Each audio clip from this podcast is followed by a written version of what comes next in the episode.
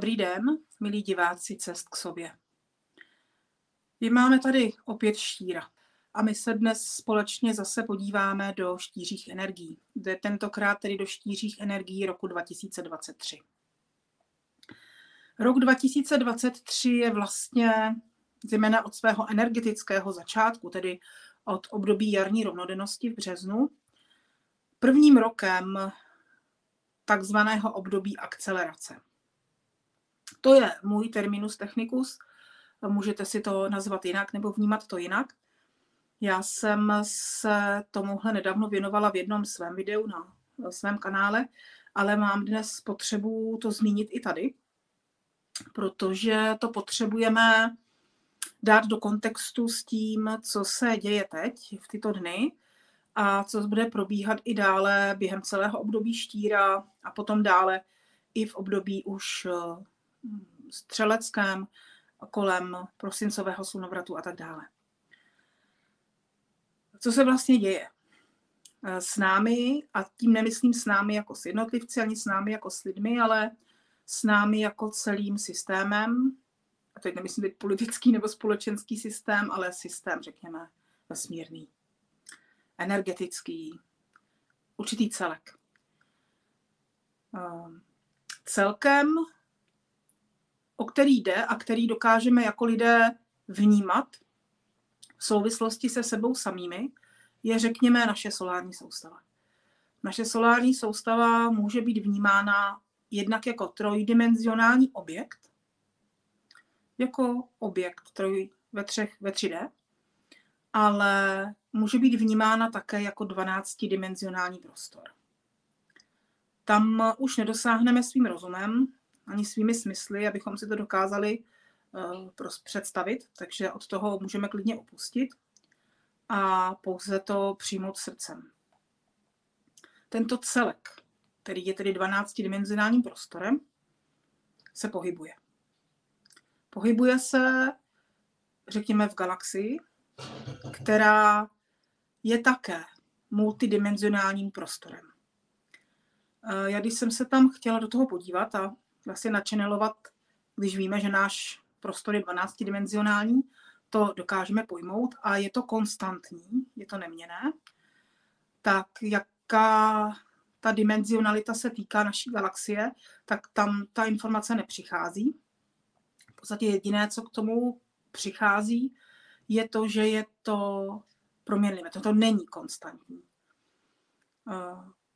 Eh, docela často se stává, že to, co chceme vědět, nepřichází, protože channeling reaguje na naše potřeby, nikoli v naše chtění ale i když by tam určitá potřeba byla, tak ta informace nepřichází, protože bychom jí nerozuměli.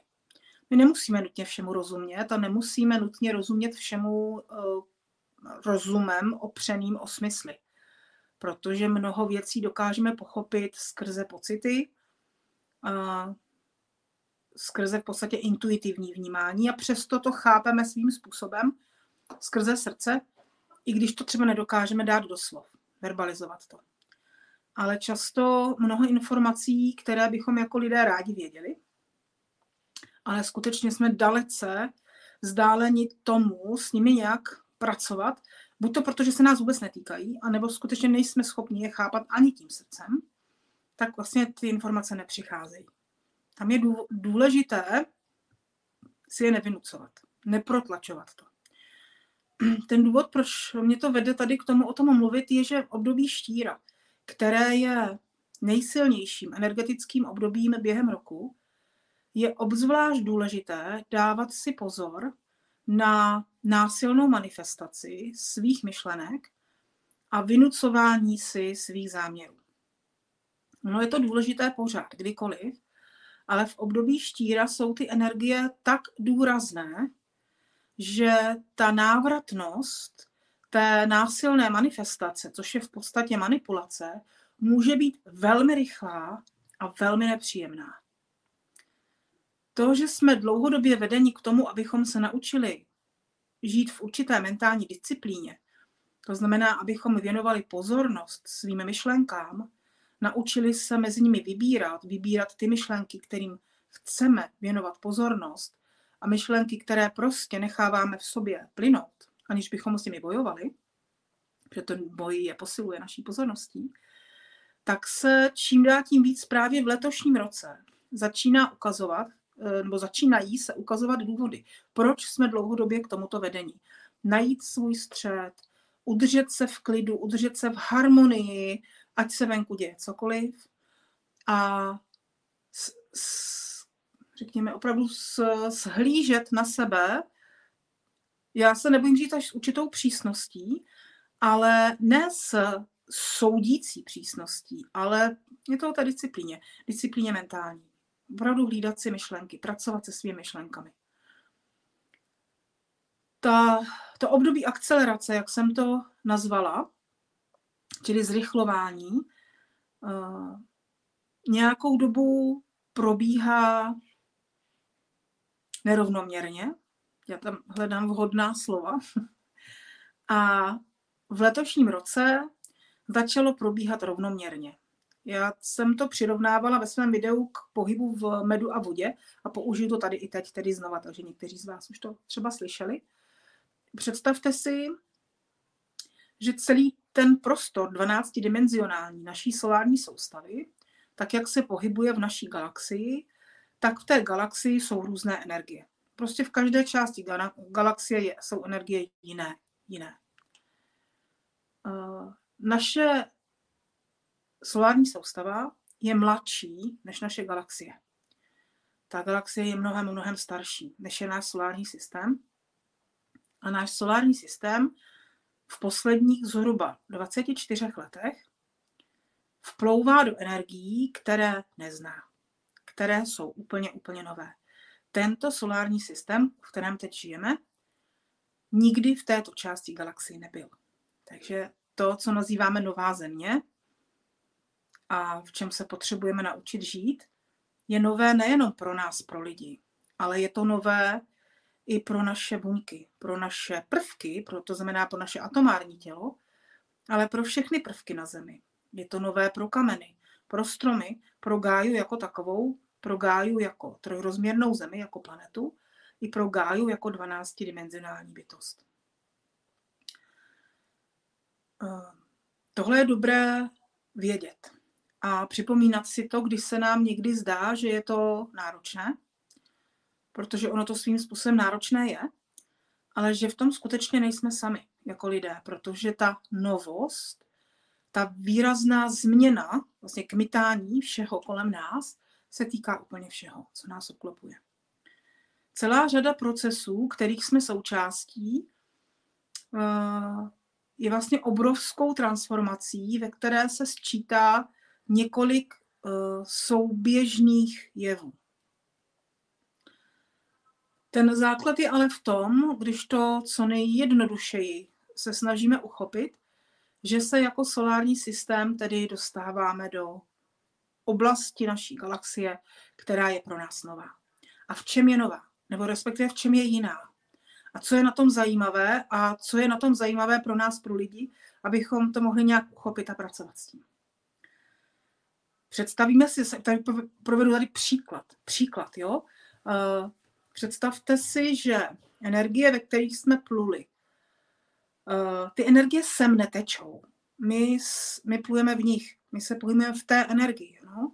Není o tom, že nám sem někdo posílá, nebo nám sem proudí ta energie. Ta sem neproudí a neproudí nám. Celý náš systém se pohybuje v těch energiích, stejně tak jako potom uvnitř toho solárního systému, uvnitř toho 12-dimenzionálního prostoru jsou určité energie, v kterých se pohybuje naše země. A to je zodiak. To jsou zodiakální energie, energie jednotlivých znamení zvěrokruhů. Tak si tento, řekněme, nástroj na pracování s těmi energiemi si lidé vymysleli. Jo? Ale tam je, to je asi těch 12, protože 12 je ten základní celek, řekněme, ve vesmíru. Energie, ve kterých plula naše solární soustava v posledních, to můžeme i okrajově určit časově z našeho lidského úhlu pohledu, je to zhruba 26 tisíc let, eh, byly velmi husté.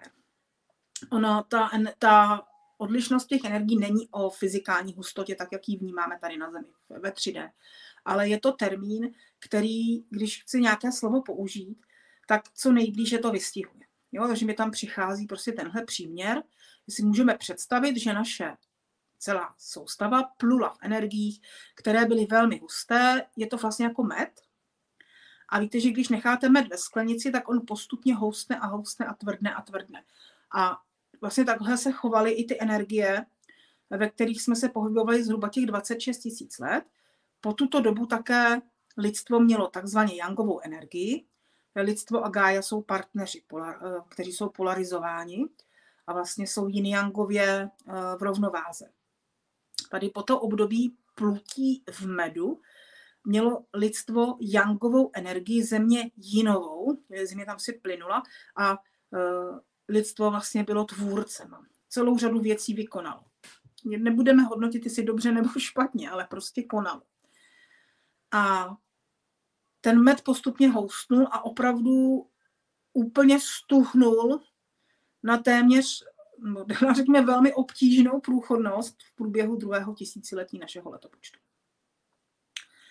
Ty energie druhé tisíciletí začíná někdy kolem roku 992. Ono ve skutečnosti ty celky nejsou tisíciletí, protože to období, aby bylo přirozeným cyklem, tak je potřeba bylo dělitelné 12. Jo? A to je, jasně, to je jedno. Pro nás to tam nejde o rok, protože ty přechody trvají celé desítky let z našeho úhlu pohledu. To není ze dne na den my to můžeme vlastně schrnout, vnímat eh, v těch událostech a energiích druhého tisíciletí, kdy můžeme pozorovat teď už zpětně velmi přesně, jak se zastavil absolutně vývoj veškerých jemně hmotných záležitostí, zejména tedy vývoj duchovní. Ty duchovní vývoj člověka, jednotlivce, lidstva víceméně v druhém tisíciletí neprobíhal. To není vina těch energií, ale ty energie umožnily, řekněme, manipulátorům a vládcům, aby se jim snáze podařilo protlačit strachové eh, manipulační mechanismy. Jo, prostě to šlo ovládat druhé strachem, šlo ve druhém tisíciletí velmi dobře a velmi snadno. Taky vlastně jeden mechanismus, a to je v podstatě mechanismus monoteistického náboženství, založeného na vině a trestu, říkám to velmi zjednodušeně, fungoval tisíc let nebylo potřeba mít nástroj, asi tisíc let fungoval. A už eh, v průběhu 20. století se začalo stávat, že ten med byl sem tam naředěn vodou. Jako když ten stuhlej krystalizovaný med nahážete do vody a pak v něm něco pluje, nějaká kulička, tak prostě chvilku pěkně padá vodou a pak narazí do té hrudky toho medu. Jo? Tak eh, v tom jsme se v podstatě pohybovali zhruba od druhé poloviny 20. století do roku 1997. A v roce 1997 už jsme se začali pohybovat v, ve směsi medu a vody, která byla více homogenní, ale pořád to nebyl ani med, ani voda. To znamená, byla to směs. Ta směs byla víceméně homogenní, ale stejně nebyla úplně rovnoměrně hustá. Takže vlastně ten pohyb té solární soustavy byl takový cukavý, řekněme.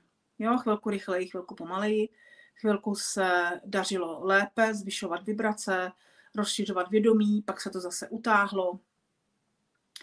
A stále to ale řídlo a řídlo a ten pohyb zrychloval. A řekněme, že s letošní jarní rovnaností zhruba plus minus, říkám, to nejsou procesy, které se dějí ze dne na den, jsme se jako celý systém ocitli v čisté vodě.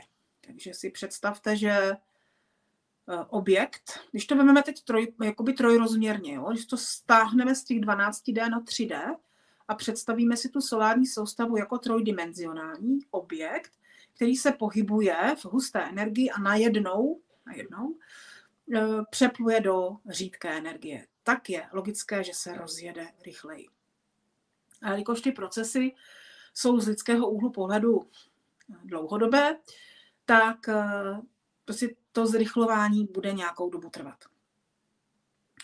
V podstatě, když se do toho podíváme, tak eh, si představíte, že ta rychlost teď narůstá, narůstá, narůstá, pořád narůstá rychlost a narůstat bude ta rychlost zhruba do roku 2026 ještě do konce roku 26, to znamená až do jarní rovnosti 27. A to, co tam přichází k tomu, ty informace jsou takové, že brzdící mechanismy začnou fungovat, tak abychom si toho třeba všimli, mezi roky 27 a 29. 27, 28, 29. 3 je nejnižší možné číslo. No? A tyto procesy probíhají v cyklech, které my vnímáme jako roky. A 3 je nejmenší možný. Takže 3 roky většinou trvá nějaké období, kterého my lidé si všimneme jako změny. Takže teprve někdy kolem roku 2029 se ta rychlost ustálí na jiné, jiné, jiné než je teď a bude výrazně vyšší. Bude výrazně vyšší než je teď. I mezi těmi roky 27 a 29 ta rychlost bude růst, ale nebude růst už tak rychle, nebude růst konstantně. Myslím si, že to s náma zase bude trošku cukat. Čili v podstatě, když to teď zjednoduším, jo, tak od roku 97 do roku 22 to s námi dost cukalo. A teď eh, mezi roky 23 až 26 je to sice neustále narůstající rychlost, ale je víc ten, ten nárůst je víceméně konstantní. To znamená, to, že to běží rychle, ale hladce. Můžeme tam dát ještě jiný příměr. Představte si, že jedete ve vlaku, v rychlovlaku a než se rozjede, když nabere plnou rychlost, tak to cuká a musíte se držet. Ve chvíli, kdy nabere tu maximální rychlost, tak byť i maličko zrychluje, tak vy, ten, vy tu rychlost víceméně nevnímáte. Jo, no v letadle to je podobný. Jo. Prostě necítíte, že se to pohybuje tak rychle, protože ta rychlost je konstantní. I když je zvyšující, zvyšuje se konstantně. No a pak začne brzdit a to zase pocítíte. Jo, protože sice ta rychlost pořád narůstá, ale už nenarůstá konstantně, to znamená, že to s náma zase začne cukat. Je to velmi zjednodušený příměr. My ve skutečnosti nevíme, jak to bude probíhat a jak to pocítíme v těch letech 27 až 29. Na to si prostě počkáme. Ale je dobré v podstatě vědět to, že energie, do kterých vstupujeme v letošním roce, a ten štír to může už ukázat velmi hmatatelně, proto to tady dneska říkám, je, je vlastně fajn v tom, že se sklidňuje to cukání. A my teď několik let můžeme plout poměrně hladce, ale rychle. A ta narůstající rychlost má určité důsledky.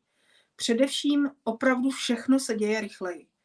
Mm, jestliže se ocitáme z hustých energií do řídkých, pak je logické, když to, to připodobníme k té fyzikální hustotě a řídkosti, že ty husté energie kladou k mytání částic větší odpor než řídké energie, ve kterých jsme teď.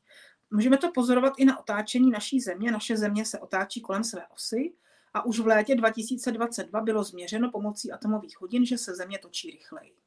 Jo? Protože už loni jsme byli v energiích, které byly výrazně řidší. Zase je to v podstatě logické, to si umíme i představit, byť si to představujeme ve 3D, což není úplné, ale to je jedno. Prostě ta země se otáčí na nějaký motor, otáčí se v husté vodě a najednou se začne otáčet v řídké vodě. Takže za stejného výkonu se začne otáčet rychleji, protože jí okolní prostor klade menší odpor. Takže se celá řada procesů, které probíhají na základě že tady těch změn, změn okolních energií, je pro nás dokonce viditelná, slyšitelná, změřitelná. No. Tak, jak je vlastně vesmír složen z nějakých těch nejmenších částic, které my neznáme ani nemáme pojmenované a jeden kvark jich obsahuje téměř nekonečné množství, tak všechny kmitají. A to kmitání těch částic je nějakým způsobem řekněme, omezeno, i když to není přesný výraz, právě hustotou té okolní energie. Se, když to velmi, je to velmi nepřesné. Tady teda vnímám, že ta nepřesnost je velká. Prostě je logické, že částice v medu kmitá jinak než ve vodě.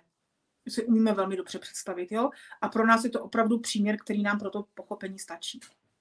Co se ale tedy děje, jestliže vím, že moje myšlenka má změřitelnou energii, že vlastně moje myšlenka je určitý energetický paprsek, když bych si to nějak měla představit, tak je jasné, že v těch energiích, které byly výrazně hustší, protlačit tu myšlenku tím prostorem bylo náročnější a vyžadovalo to, vyžadovalo to více energie, více soustředění, než je tomu teď.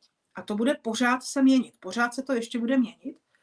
Takže proto je potřeba naučit se vnímat svoje vlastní energie a to, co z nás vychází, Jednak to, co se odehrává uvnitř, což je hodně tématem štíra, k tomu se dostanu za chvilku, ale i to, co z nás vychází, což jsou především naše myšlenky, to je to, tato podoba energie, protože jsou prostě údernější.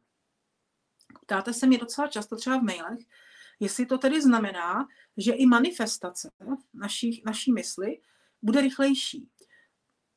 V podstatě dá se říct ano, ale já bych spíš než rychlejší právě řekla, že je údernější. To znamená, že údernější budou i důsledky násilné manifestace. Tam, kde si vynucujeme, vlastně vynucujeme si eh, manifestaci svého záměru za každou cenu a naše mysl skutečně tu sílu má, ale ty důsledky jsou potom pro nás velmi nepříjemné, protože tou násilnou manifestací my ohýbáme časoprostor, což skutečně svojí myslí můžeme, ohýbáme tím svůj vlastní časoprostor. Když zasahujeme do časoprostoru druhých, tak případně i časoprostor druhých, to už je ještě potom jako zásadnější problém ale i ohýbání vlastního časoprostoru se ve výsledku eh, promítne tím, že ten časoprostor se zase narovná a ono nám to dá pár facek. Jo?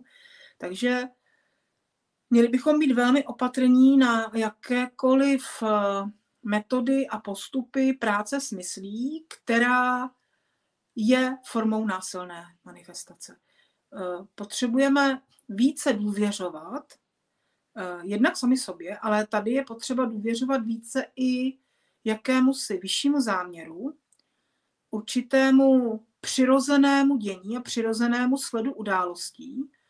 A skutečně si to můžete představit tak, jako by každý člověk měl před sebou cestu, takovou cestu, takovou stužku jo, ze světla, která je jeho přirozeným časoprostorem. A na té cestě prostě jsou určité body, určité situace, určité momenty, připravené, připravené v úvozovkách, no, nejde úplně připravenost, a to je jedno, řekněme, jsou tam možné, jsou tam třeba možnosti, tak, možnosti. A ty možnosti jsou prostě v určité vzdálenosti od přítomného okamžiku. Jo? A já si můžu svojí myslí ten časoprostor přizpůsobit a ty body, které jsou ty možnosti, které tam jsou, můžu jakoby popohnat můžu si je přitáhnout k sobě, ale si představíte, že ta cesta běží přirozeně rovně nějakým tempem, že to je časoprostor, takže tam je to prostor i čas, že běží v prostoru a čase a vy si to přitáhnete, tak se ta stužka té cesty jakoby zvlní, ohne a vy si vlastně vytvoříte oblouk. Když si to přiblížíte blíž, to přitáhnete blíž. Tenhle oblouk vy vytvoříte sílou svojí mysli a ten oblouk bude obloukem tak dlouho, dokud to tou myslí budete držet. Ve chvíli, kdy to tou myslí pustíte, což pustíte, protože tam neudržíte tu pozornost trvale, tak se ten časoprostor vrátí do své přirozenosti a ono to s váma škupne nebo vám to nafackuje. Jo? To znamená, že to, co si vy manifestujete násilně proti přirozenému sledu událostí, tak eh, vám ve výsledku nebude sloužit k dobru sice se vám podaří dosáhnout toho, co teď hodně chcete, ale ve výsledku z toho nebudete mít radost, protože vlastně vám to něco takzvaně zkazí. Eh, to neznamená, že si nemůžeme přát, že naopak, my si potřebujeme přát na základě svých priorit, to je velké téma štíra, ale nejenom štíra, vůbec téma letošního sedmičkového roku jsou priority. A Dávat tam ale tu energii jenom do toho tématu a záměru. To znamená, vím, co chci a jaký je můj záměr k tomu, proč to chci. Ale kdy a jak se to stane, nechám na tom přirozeném sledu událostí, na tom vyšším záměru, řekněme, eh, kterého já nejsem z hlediska lidského schopná vůbec dohlédnout, ani ho ovlivnit.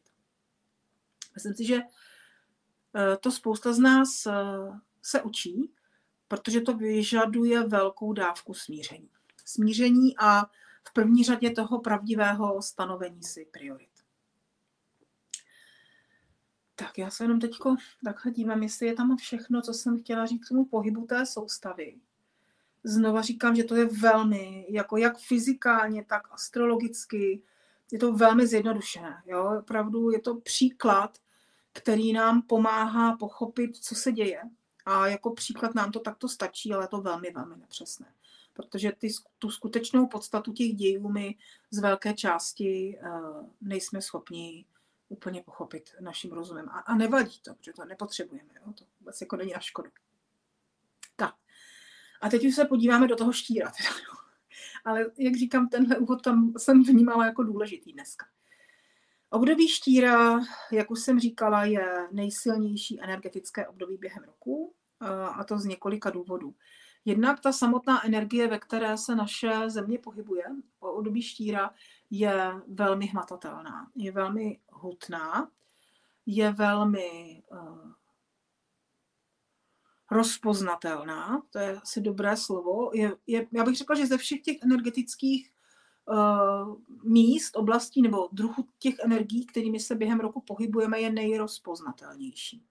Mnoho lidí, vnímám to kolem sebe, mnoho lidí, kteří se nezabývají energiemi a nebo úplně jako tímhle věcem nevěří a, a nezabývají se tím, nehledají tyto informace, no, tak uh, v období šíra to cítí. Všimnou si, že se něco děje a mají tu potřebu se sebou něco dělat. Mnoho, mnoho lidí, kteří dlouhodobě nedělají se sebou nic, takzvaně, tak právě v období štíra je to nakopné, dožené, doženou vlastně sami sebe k tomu, aby si nějaké třeba otázky, které si běžně nekladou, aby si klát začali. Byť třeba ty informace hledají jinde a jiným způsobem. A nebo ty otázky nezodpovězují. Jenom v nich narůstají, ale nedovolí si zatím ještě ty odpovědi hledat. To je na každém. Já jsem nazvala vlastně to období štíra, zejména pro letošek, jako úklid 13. komnaty. To mi tam přišlo, tahle slova. A ta 13. komnata je docela zajímavá, protože vlastně energie štíra bývá také nazývána energií smrti, respektive energií transformační smrti, tedy smrti a znovuzrození, které probíhá zároveň v jednom okamžiku. A to mimo jiné v, třeba v Tarotu symbolizuje právě 13, tedy transformační smrt.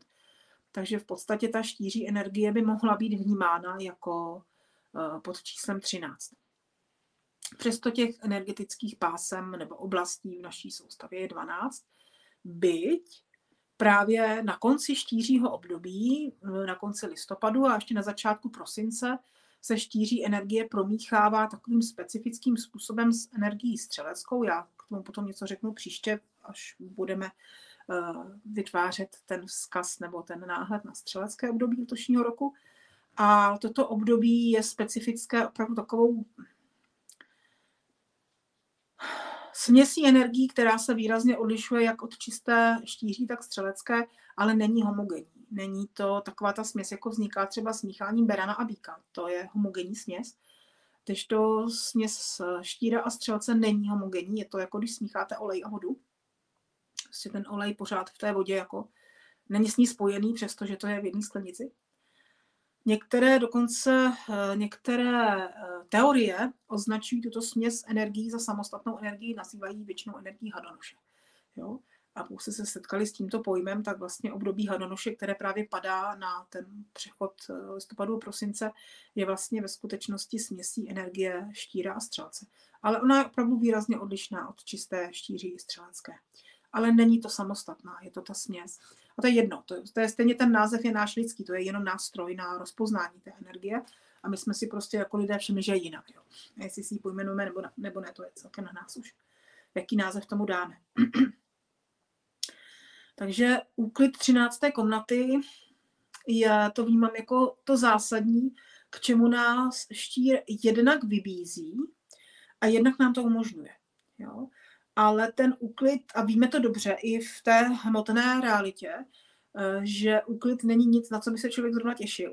I když jsme jsou výjimky, jsou lidé, kteří uklízejí rádi, eh, ale asi jich nebude většina. Pro většinu z nás je úklid eh, něco, co víme, že je nutné a prostě jednou za čas ho provedeme, ale rozhodně to není něco, na co bychom se už jako tři dny těšili a nedočkali, nemohli dospat. Že? A i když, ale přestože to je někdy jako fakt oprus a i někteří z nás zuří a i to někdy odkládáme, tak víme dobře, že potom u klidu přijde radost a úleva z dobře vykonané práce. A u toho vnitřního úklidu je to dost podobné. Dost často se nám prostě do toho nechce, odkládáme to, protože víme, že tam jsou ty nánosy a to smetí, který tam už prostě nepatří a potřebuje ven ale když se do toho pustíme, tak byť to s zatnutýma zubama někdy dost bolí, ta úleva přijde. Ta úleva bývá značná. Když se podíváme zase na nějaké body, eh, třeba v rámci lunárního cyklu, které tam budou zajímavé v období štíra, tak to bude nejprve úplněk, eh, úplněk v energii býka, protože v období štíra se nacházíme na ose štír bík, což je moc pěkné a bík, který vlastně v sobě zasobňuje energii země a ohně, tady trošku pomáhá udržet tu lávu, tu žhavost té sopky, protože štír je sopka, eh, prostě u země, no, aby to nevybuchlo. Jo. Takže eh, na druhou stranu právě ta přítomnost té odražené bíčí energie vždycky během toho štíra znova vrací na talíř eh, témata fyzického těla péče o fyzické tělo. On ten štír nám to vždycky už jako dost jasně ukazuje, kde je nějaká neharmonie a nerovnováha. Takže i tato témata vlastně zodpovědnosti za tělo, za buněčné i e, tělo tedy e, atomární, docela dobré je, a nejenom z toho důvodu, že máme podzim a blíží se zima, na to tělo zase brát velký zřetel a zejména třeba v oblasti mikroživin, protože ten podzim i s ubývajícím světlem je pro nás náročný i v oblasti psychiky.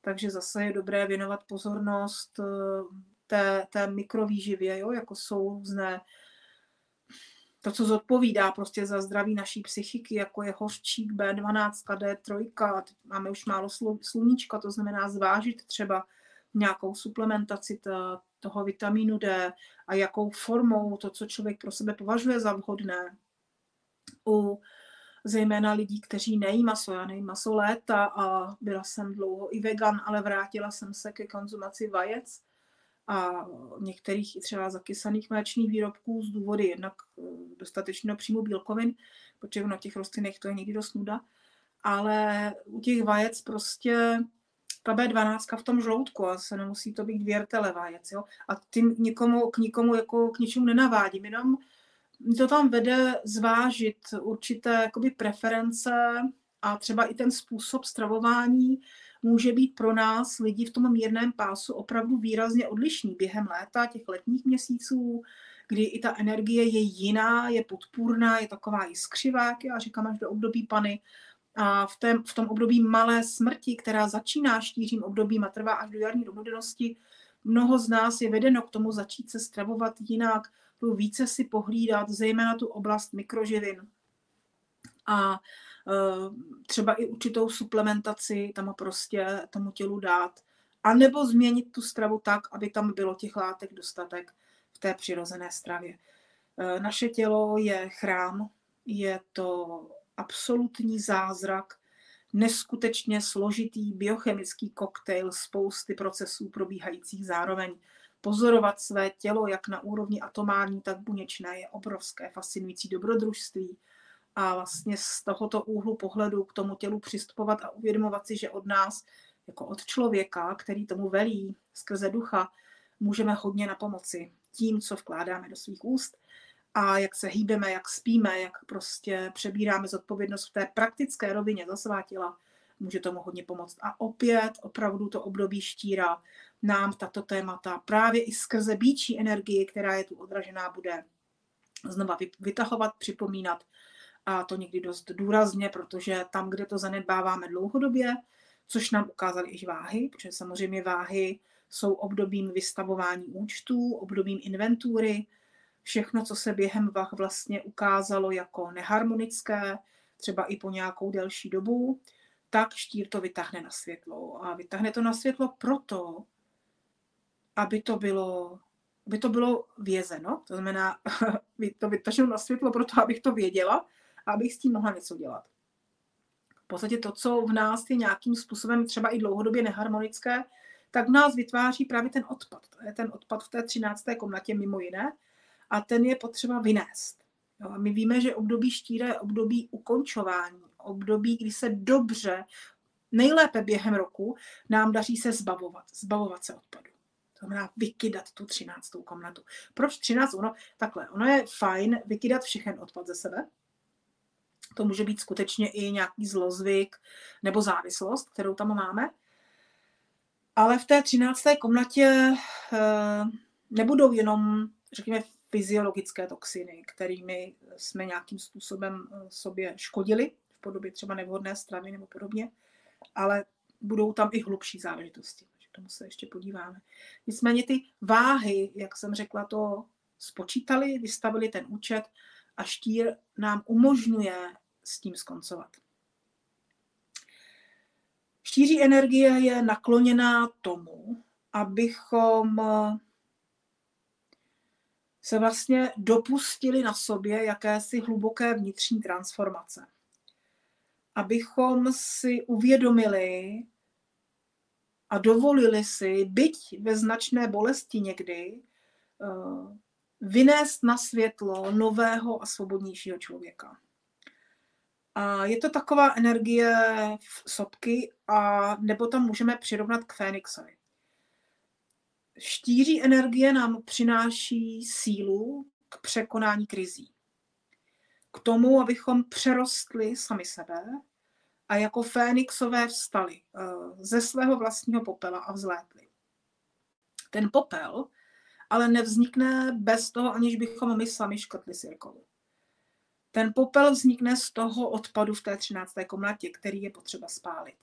A právě z toho popela, který vznikne spálením toho, co nás drží eh, v zajetí, v okovech sebe samých, tak nám to potom umožňuje pohyb dál, pohyb vpřed. To je v podstatě proces uzdravování. To je proces očisty a to se děje pořád znova a znova. Někdo řekne, co ze, což zase, zase se mám něčeho zbavovat, zase mám něco v sobě ukončovat, zase mám ze sebe něco vykydávat. Ano, pořád dokola. My žijeme v cyklech. Jeden rok je jeden cyklus. A všechno se pořád mění. Já jako člověk se pořád měním. Během toho cyklu jednoho roku Eh, se toho spousta změní. Změní se toho spousta kolem mě, ale změní se toho spousta i ve mně, měním se já. Každý rok, když přichází štíří období, je moje třináctá komnata naplněna novým odpadem, prostě, který se tam za ten rok nastřádal. A je dobré ji každý rok znovu vyčistit, vyházet to na dvůr, podpálit to, nechat to schořet a ten popel, popel pak vlastně použít jako hnojivo. Hnojivo pro další kroky, pro další činnost. Někdy je, je zajímavé, jak si mnoho lidí myslí, že už má hotovo. Každý z nás to zná, že se nám vrací do života situace a my sami sebe nachytáme v tom, že jsme si mysleli, že tohle už se nám nestane. Že tohle už máme hotové, tohle už máme vyřízené, tohle už máme vyčištěné. Pořád jsme noví lidé. Dokonce my to můžeme stáhnout na ještě kratší cyklus než je rok, a to je den. Každý den což je takový, no nejkratší, nejkratší takový přirozený cyklus je hodina v podstatě. To je taky dělete na 12, že? 60 minut. Ale to je už časový úsek, který pro nás jako pro lidi je těžko rozpoznatelný v rámci nějaké změny. Jo? Nicméně cyklus, kdy už jsme schopni vnímat určitý změny, určitou změnu, je den. Eh, den začíná mezi druhou třetí hodinou ráno, není nutné se zabírat tím, jak zimní letní čas. Prostě zhruba mezi druhou třetí hodinou ráno začíná nový cyklus nového dne. A každý den je skutečně nový a já jako člověk jsem každý den novým člověkem. Tak jak začíná nový den, já jsem v něm novým člověkem. Co bylo včera, neplatí, protože včerejšek je pryč. Včerejšky neplatí. To neznamená, že nezůstává za námi nic z toho, co jsme udělali. Ano, zůstává, protože to, co jsem udělala včera, nějakým způsobem tvoří mě, člověka, kterým jsem dnes. Ale neplatí to, co bylo včera, platí to, co je dnes. Když se podíváme na nějaký přirozený řád věcí u přírodních národů a ještě tedy i u naší civilizace před nějakou dobou, tak Naprosto přirozenou součástí života člověka jsou ranní a večerní rituály, obřady, modlitba, kontemplace, meditace, to je jedno co. Ale určité zvědomění si každý den ráno toho, že je nový den.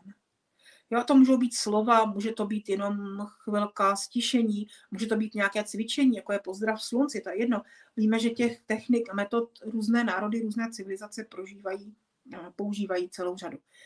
Ale ta obřadnost a ritualita, já to tvrdím už dlouho, je potřeba, abychom tohle vrátili do svých praktických každodenních životů.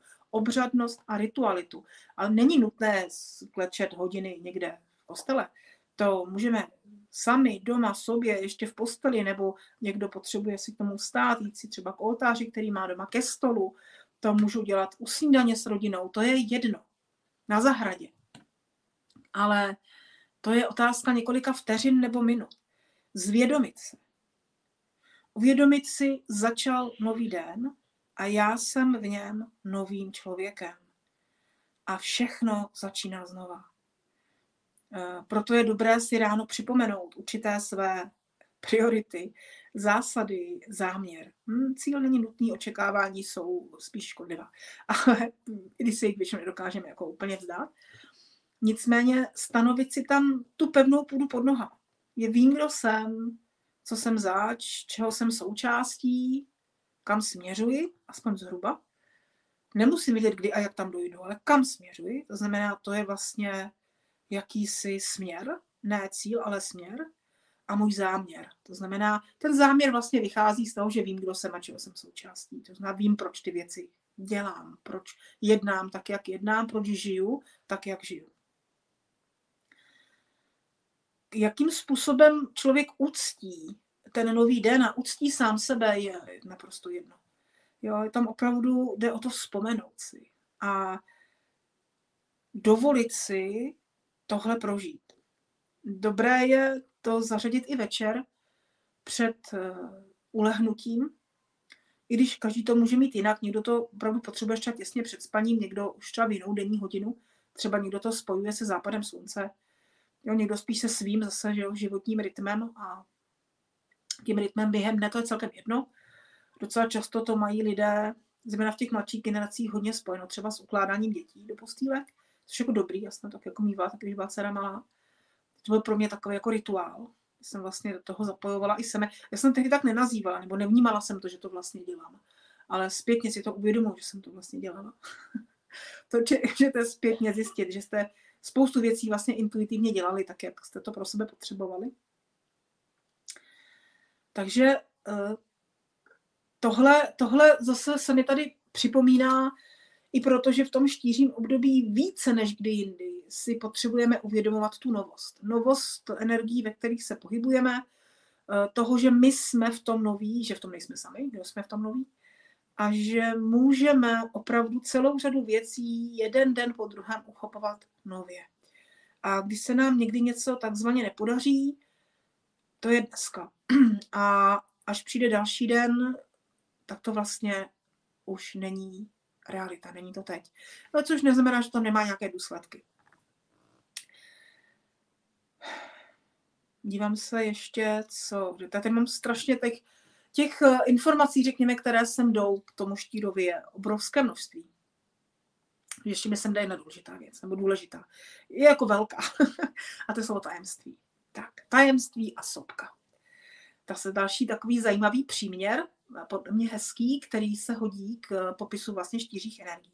Štíří energie, sice štír je považován za, řekněme, vodní znamení, ale pokud bychom to vnímali jako vodu, vodu tak je to vřelá voda. Je to gejzír. Gejzír. Jo. A to je přesně ono. Gejzír vlastně sopka. Je gejzír, to je prostě voda, která je horká a je pod nějakým tlakem, tlakem kumulovaná v nějaké kavitě, v nějaký prostě dutině. A když toho tlaku je příliš, tak to pff, vystříkne, že? No a sopka to je podobné. Já teda vnímám štíra spíš, nebo štíří energii spíš jako sopku. Ono to je totiž tajemství. Jo. Sopka je vlastně tajemství. Sopka se v podstatě jeví jako kopec. Jo? Pokud bychom neuměli to změřit a podívat se do toho, tak v podstatě spousta sopek vypadá jako úplně nevinný pěkný kopec. Ale to, co se děje vevnitř, je obrovský proces ohně. A když se to, když se nenajde cesta, jak ten oheň uvolňovat postupně, Víme, že jsou sopky na zemi, které vlastně neustále roní lávu, chrlí. Já to chrlí, mi se tam to roní líbí víc, to je jedno. Vlastně jako by pořád průběžně, průběžně vytékají a tím si ulevují tomu tlaku. To samé, jestliže bych to přirovnala k tomu gejzíru, tak pokud bychom ten gejzír našli ventil, udělali tam ventil a postupně a pravidelně upouštěli ten tlak, no tak nevylítne nekontrolovaně. Že jo? U té sopky je to podobné, ačkoliv tam to je rozměr, který jako lidé asi nejsme schopni, asi určitě nejsme schopni ovládat a to nejde. Jde o to, že to je to tajemství. Jo? A teď, co je to vlastně tajemství? Téma tajemství ke Štírovi hodně patří. Tajemství klidně mohu mít vůči vnějšímu světu. Ale to, co způsobí ten výbuch, třeba i v nevhodnou dobu a výbuch způsobem, který se mi nebude líbit, protože to může být výbuch, je to vlastně manifestace toho vnitřního tlaku, třeba v podobě nějaké nemoci fyzického těla, to jsou vnitřní tajemství. A tohle je dobré oddělit. Takže já se klidně můžu tvářit jako kopec, naprosto neškodný, krásný, zalesněný kopec, ale jenom já vím, co se děje uvnitř mě a že tam to doutná, bublá a je tam ta láva. Každý z nás tu lávu v sobě má. Každý z nás má v sobě tvůrčí oheň. ne každý ho má stejné množství, štíři ho mají hodně. A lidé narození v energii štíra nebo s ascendentem ve štíru, nebo obecně lidé, kteří mají hodně v tom nastavení štíří energie, tak tohle cítí pořád. Jo? Tenhle vlastně obrovský, řekněme, určitý rozkol toho, že bývají navenek velmi klidní, někdy můžou, můžou dokonce působit až cynicky, a, ale vevnitř je neskutečný oheň a vášeň a doutnavost. A štíři opravdu potřebují celoživotně tuto obrovskou sílu toho ohně, kterého je opravdu více než u ostatních lidí, ventilovat nějakou tvůrčí činností. Jo. Mezi, mezi štíry najdeme spoustu zajímavých osobností, jako byly třeba, třeba, třeba Picasso, nebo taky Maradona, ale jo. A, nebo Paganini. Byli štíři, jo. prostě to tryská ven v různých podobách ale i u ostatních nás, kteří, my, kteří štíříme energii, jako neoplýváme celoživotně, tak tohle narůstá v období štíra. To znamená určitý přetlak uh, té tvůrčí energie, toho potenciálu, zejména tam, kde právě zjišťujeme, že není harmonické jeho využití v našich životech. To znamená, vnímáme nějaký svůj potenciál, sílu, odvahu, uh, touhu tvořit, ale neděláme to. Z různých důvodů, jo, to teď není podstatné, tak právě v období štíra to může velmi, velmi zatlačit. Takže více než kdy jindy je důležité tohle si uvědomovat a tohle sami před sebou netajit. Netajit vnitřní oheň. Ano, tajemství mohu mít vůči vnějšímu světu, na to mám plné právo, ale vůči sobě bych žádná tajemství si udržovat neměla ta opravdu velmi důsledná pravdivost a řekněme, no ještě než pravdivost mi tam jde jiné slovo. Možná slovo opravdovost nebo taková přímost, čistota eh, vůči sobě je opravdu velmi, velmi důležitá. Občas se mi někdo ptáte, jestli ta absolutní pravdivost k sobě je nutná, jako, že přeci existuje něco jako takzvané bílé lži a že vlastně občas si jako zalhat může být jako úlevné, no možná v tu chvíli ano, ale dlouhodobě je to prostě průšvih. Eh, když si představíte,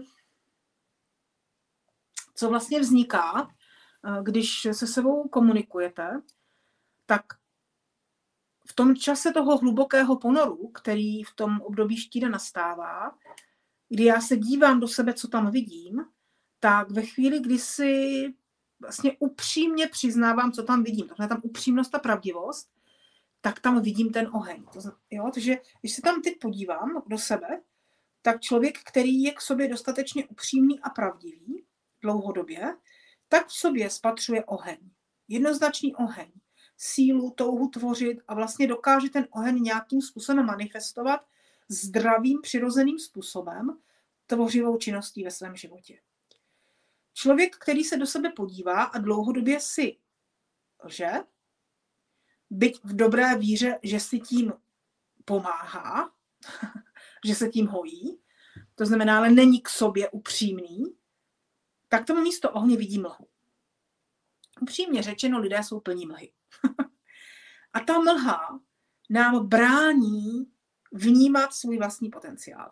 Ta mlha v nás, která je jednoznačně vytvořená naší neupřímností k sobě samým, je překážkou v tom, abychom viděli podstatu věci. Ta mlha způsobuje to, že mám pocit, že nevím, co chci. Nebo dokonce, že nevím, co cítím, nebo nevím, kdo jsem. To je způsobeno tou mlhou. A ta mlha je vytvořená naší neupřímností vůči sobě. Tím, že sami sobě vytváříme tajemství před sebou samými. Což vlastně z podstaty je blbost. Ale proč to tedy děláme? Proč sami sobě lžeme? Protože se bojíme bolesti. Protože ta pravda často prostě bolí. Jak odstraňovat tu mlhu, když už tam je? Ona upřímně řečeno vždycky u každého člověka aspoň trošku mlhy je. Proto je zdravé se na to občas podívat a tu mlhu čistit. E, není nutné vědět, e, co záleží konkrétně jsem do sebe vložila. Můžu, někomu pomáhá znát úplně přesně jako do detailu, o čem, o čem to je, ale ve skutečnosti to není nutné. Důležité je vědět, že chci tu mlhu odstranit. Pokud ji chci odstranit, tak potřebuju najít tu upřímnost. A tím primárním, tím prvním základním krokem je stanovit si priority. Jsme u toho zas, jsme v sedmičkovém roce, sedmička je číslo organizace, efektivity, analýzy a syntézy. Analýzy a syntézy. Rozložit a znova složit. Jo, to je vlastně to, co potřebujeme každý rok během toho štíra. Ono ve váhách už to začíná. Ve váhách v podstatě začíná ta analýza, Jo, když jsme se tak jako rozložili na kousky, aby jsme viděli, co tam jako je, co tam funguje, co tam nefunguje. Tam je nějaký ten účet, co je a není harmonické. Během štíra to můžeme vyházet, eh, ty neharmonické přebytky, spálit to na ten popel a to, co zbyde a je zdravé, pak můžeme tedy syntetizovat, složit zpátky. A kdykoliv. Jo, když, ale skládat to, rozložit to a znova to složit i s tím s proměnutím bordelem, má to smysl? jo, a ten bordel jsou ty lži často. Jo, jsou to myšlenky, ten nepořádek, bych to řekla slušně v nás, vytváří jednak emoce a myšlenky vlastně vzorcové, které máme od našich rodičů a i od našich předků. To znamená takové, taková ta nevíra v sebe, nízké sebevědomí, myšlenky, kterými sami sobě házíme klacky pod nohy, různé demonstrativní i jiné strachy a podobně, tak eh, to je část toho odpadu a ta se nám tvoří průběžně během roku každému pořád. Prostě s tím je potřeba pracovat pořád dokola a pořád dokola. Eh, a část toho odpadu prostě si vytváříme v podstatě záměrnými lžimi. Jo, tam, kde snižujeme svoji laťku. Vlastně, když nemáme upřímně a pravdivě stanovenou svoji prioritu, tak se pak stane, že přijímáme do života věci, které vlastně tak úplně nechceme, ale nalžeme si, že to stačí. Snížíme, stahneme svoji laťku. Přijmeme něco, co není 100%, ale třeba jenom 50%. A ještě sami sebe přesvědčíme o tom, že to vlastně chceme. Třeba proto, že nejsme ochotní počkat si na to pravé, nebo nejsme ochotní smířit se s tím, že něco prostě v životě mít nebudeme. To je docela časté. Jo, místo toho, aby se člověk smířil s tím, že něco nejde, protože to nemá jít, nebo že něco nemá, protože to nemá mít, tak za každou cenu si vlastně vynutí přijmout do života něco, o čem sice ví, že to není jeho, ale uspokojí tak nějakou část sebe, která na určitou chvíli zmlkne, ale stejně jenom na určitou chvíli. Pak se stejně zase ozve, protože pokud to není moje, tak ono to ve mně nebude spokojený. Nikdy. To, co je moje priorita, může klidně zůstat mým tajemstvím. Totiž, eh, když takhle s tím pracuju s, s klienty, tak to, proč mnoho z nás nemá pravdivě stanovené priority, je proto, že se sami před sebou stydíme. Přiznat si, co je pro nás priorita. A to úplně jedno, v jaké oblasti, pracovní, vztahové, jak, teda ve vztahu sami k sobě, i ve vztahu k druhým lidem, v partnerských vztazích, v intimitě, samozřejmě v oblasti sexuality, i tam jsou stanovení priorit důležité. Obecně ve vztahu partnerském je důležité znát svoje priority. A priorita je zcela individuální soukromá záležitost. Neexistuje žádné měřítko toho, co je normální nebo nenormální, co je běžné nebo neobvyklé, co je divné, nebo nepatřičné. Prostě jestliže pro vás osobně je určitý třeba charakterový rys partnera nebo cokoliv prioritou, nebo může být vzhledová záležitost partnera, je to pro vás, tak je to prostě pro vás prioritou. Jo? Jestliže určité aspekty vaší práce jsou prioritou, že pro někoho může být prioritou to, že potřebuje takovou práci, aby nemusela ráno brzo vstávat. Všechno ostatní je mu jedno, hodně zlehčuju, jo, ale prioritou je to, aby nemusela ráno vstávat. a teď je tam ten program, no jo, ale to je blbost, to je prkotina, to, jako to si zvyknu, nebo ještě vám to tvrdili, že to si zvykneš, když budeš chodit do práce, to si zvykneš vstávat, neboj. No všichni si zvykli, musíš si taky zvyknout. Nemusíte. Pokud prostě potřebujete si ten život poskládat jinak, než je běžné nebo obvyklé, což je už sama o sobě termín, tak to je prostě vaše priorita. A věřte tomu, že ve chvíli, kdy si to přiznáte a přijmete jako fakt, že vaše priorita je mít takovou práci, abyste nemuseli brzo ráno vstávat, protože co je brzo ráno, je pro každého taky něco jiného, tak ona ta práce přijde. Ono dost možná proto, nejde proto, že nemáte stanovenou prioritu. A xkrát už jste přijali něco, co tuto prioritu porušovalo a proto vám to nesedělo, proto jste se v tom neudrželi, proto to nebylo ono, i když jste sami sobě nalhali, že to ono bude a že si zvyknete. Prostě jste snížili svoji laťku. Šli jste do kompromisu v oblasti svojí priority. A v oblasti priorit se kompromisy nedělají. Kompromis je fajn řešení v oblasti, která není prioritou. Ale pokud budete dělat ve svém životě kompromisy v oblasti priorit, pak takový kompromis znamená pro vás prohru. A to po určité době velká část vás vyhodnotí jako minusovou energii a nebude vám v tom dobře. Jo. A právě to nepřiznání si priorit vede k tomu, že potom to nabaluje, to jako prvotní lež, která tam vznikne, to znamená, že nepřijmu tu prioritu, protože si naložím, že to je blbost, že to tak není.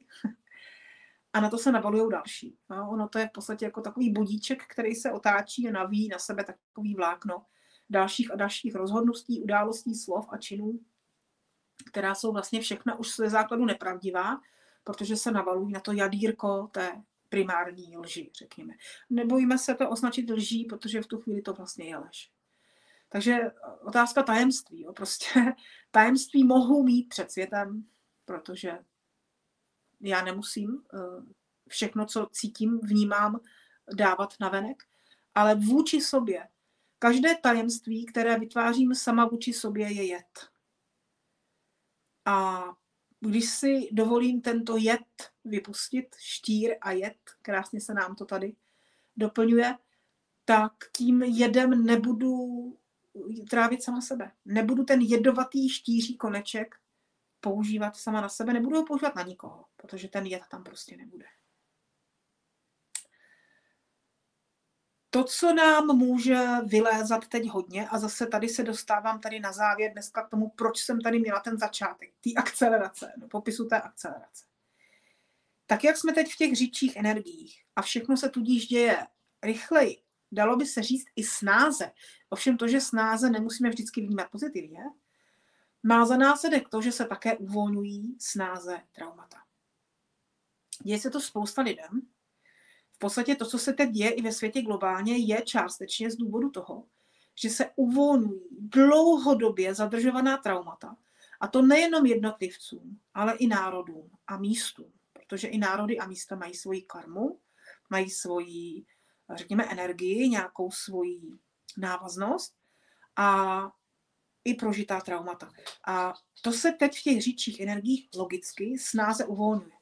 Takže ta eskalace různých potlačovaných témat a programů bude narůstat. Tak jak roste rychlost všeho, bude eskalovat i toto. Proto je důležité opravdu naučit se najít svůj střed, udržet sám sebe v harmonii, v jakémsi stavu osobního štěstí, které je založené na klidu, ne na radosti. No. A v tom se umět udržet, ať se děje cokoliv. Ta nespracovaná traumata, naše vlastní, opět, pokud se nám začnou uvolňovat, jakože se to fakt děje, tak je důležité si dovolit do nich podívat, prožít je, i když to bolí. A co je tam vnímám jako velmi důležité, a zase je to téma štíří, protože tam je taky téma předků, je dát si pozor na odmítání přijetí vlastní minulosti. To, kým dneska jsem, je vytvářeno mými předky. Čím byli oni, tím jsem já. Ne všechno se mi líbí, ale je důležité to neodmítat. Je důležité místo cestu odmítání své minulosti zvolit cestu smíření se se svou minulostí. A to s minulostí vlastní v tomto životě i s minulostí rodovou. Přijmout fakt, že naši předkové žili, jak nejlépe uměli. Hluboce se jim poklonit. A to neznamená podrobovat se jim, nebo se s nimi naprosto stotožňovat. Ale přijmout je v úctě, přijmout je v lásce a žít svůj život nejlépe, jak to dokážu já každý den žít nejlépe, jak to dokážu. Tím mohu vzdát vlastně těm předkům nejvíc úcty. Ne náhodou období štíra obsahuje takzvané období dušiček, prostupnost dimenzí se výrazně zvyšuje, takže i to téma rodů, rodových linií, eh, předků jako jednotlivců i předků jako celku, který je za námi té cesty, kterou jsme ušli eh, na této zemi, v rámci vlastně fyzického těla a jeho genetické paměti je teď velmi živá. Ale to není specificky jenom tématem štíra, to je obecně specifik, eh, tématem celého letošního období toho roku, zrychlujícího a bude ještě dlouho pokračovat. Protože zase i ta genetická paměť je, řekněme, v těch řidších energiích uvolněnější. To znamená, že se snázeji dostáváme k těm podstatám, je možné tam pracovat s jinými úrovněmi našich předků a tak dále. Tato témata tady určitě budou zaznívat ještě v příštích vstupech.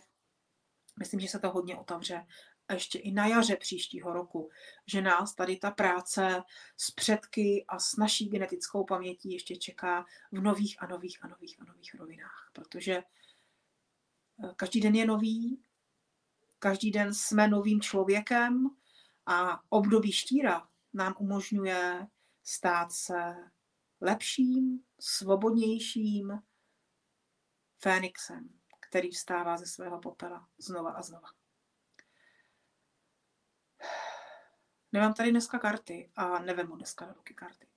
Eh, myslím, že všechno, co mělo být řečeno, bylo řečeno. Nemám vůbec tu potřebu to doplňovat. Takže jako vždycky na závěr vám děkuji za společné napojení. Je tam těch témat ještě spousta. Já se určitě k celé řadě z nich vrátím ve svých dílčích videích na svém kanále. Děkuji vám všem za podporu, jak tady na cestách k sobě, tak na mém kanále a budu se těšit zase brzy na shledanou a příště se už podíváme do období střelce. Hezké dny přeju. thank you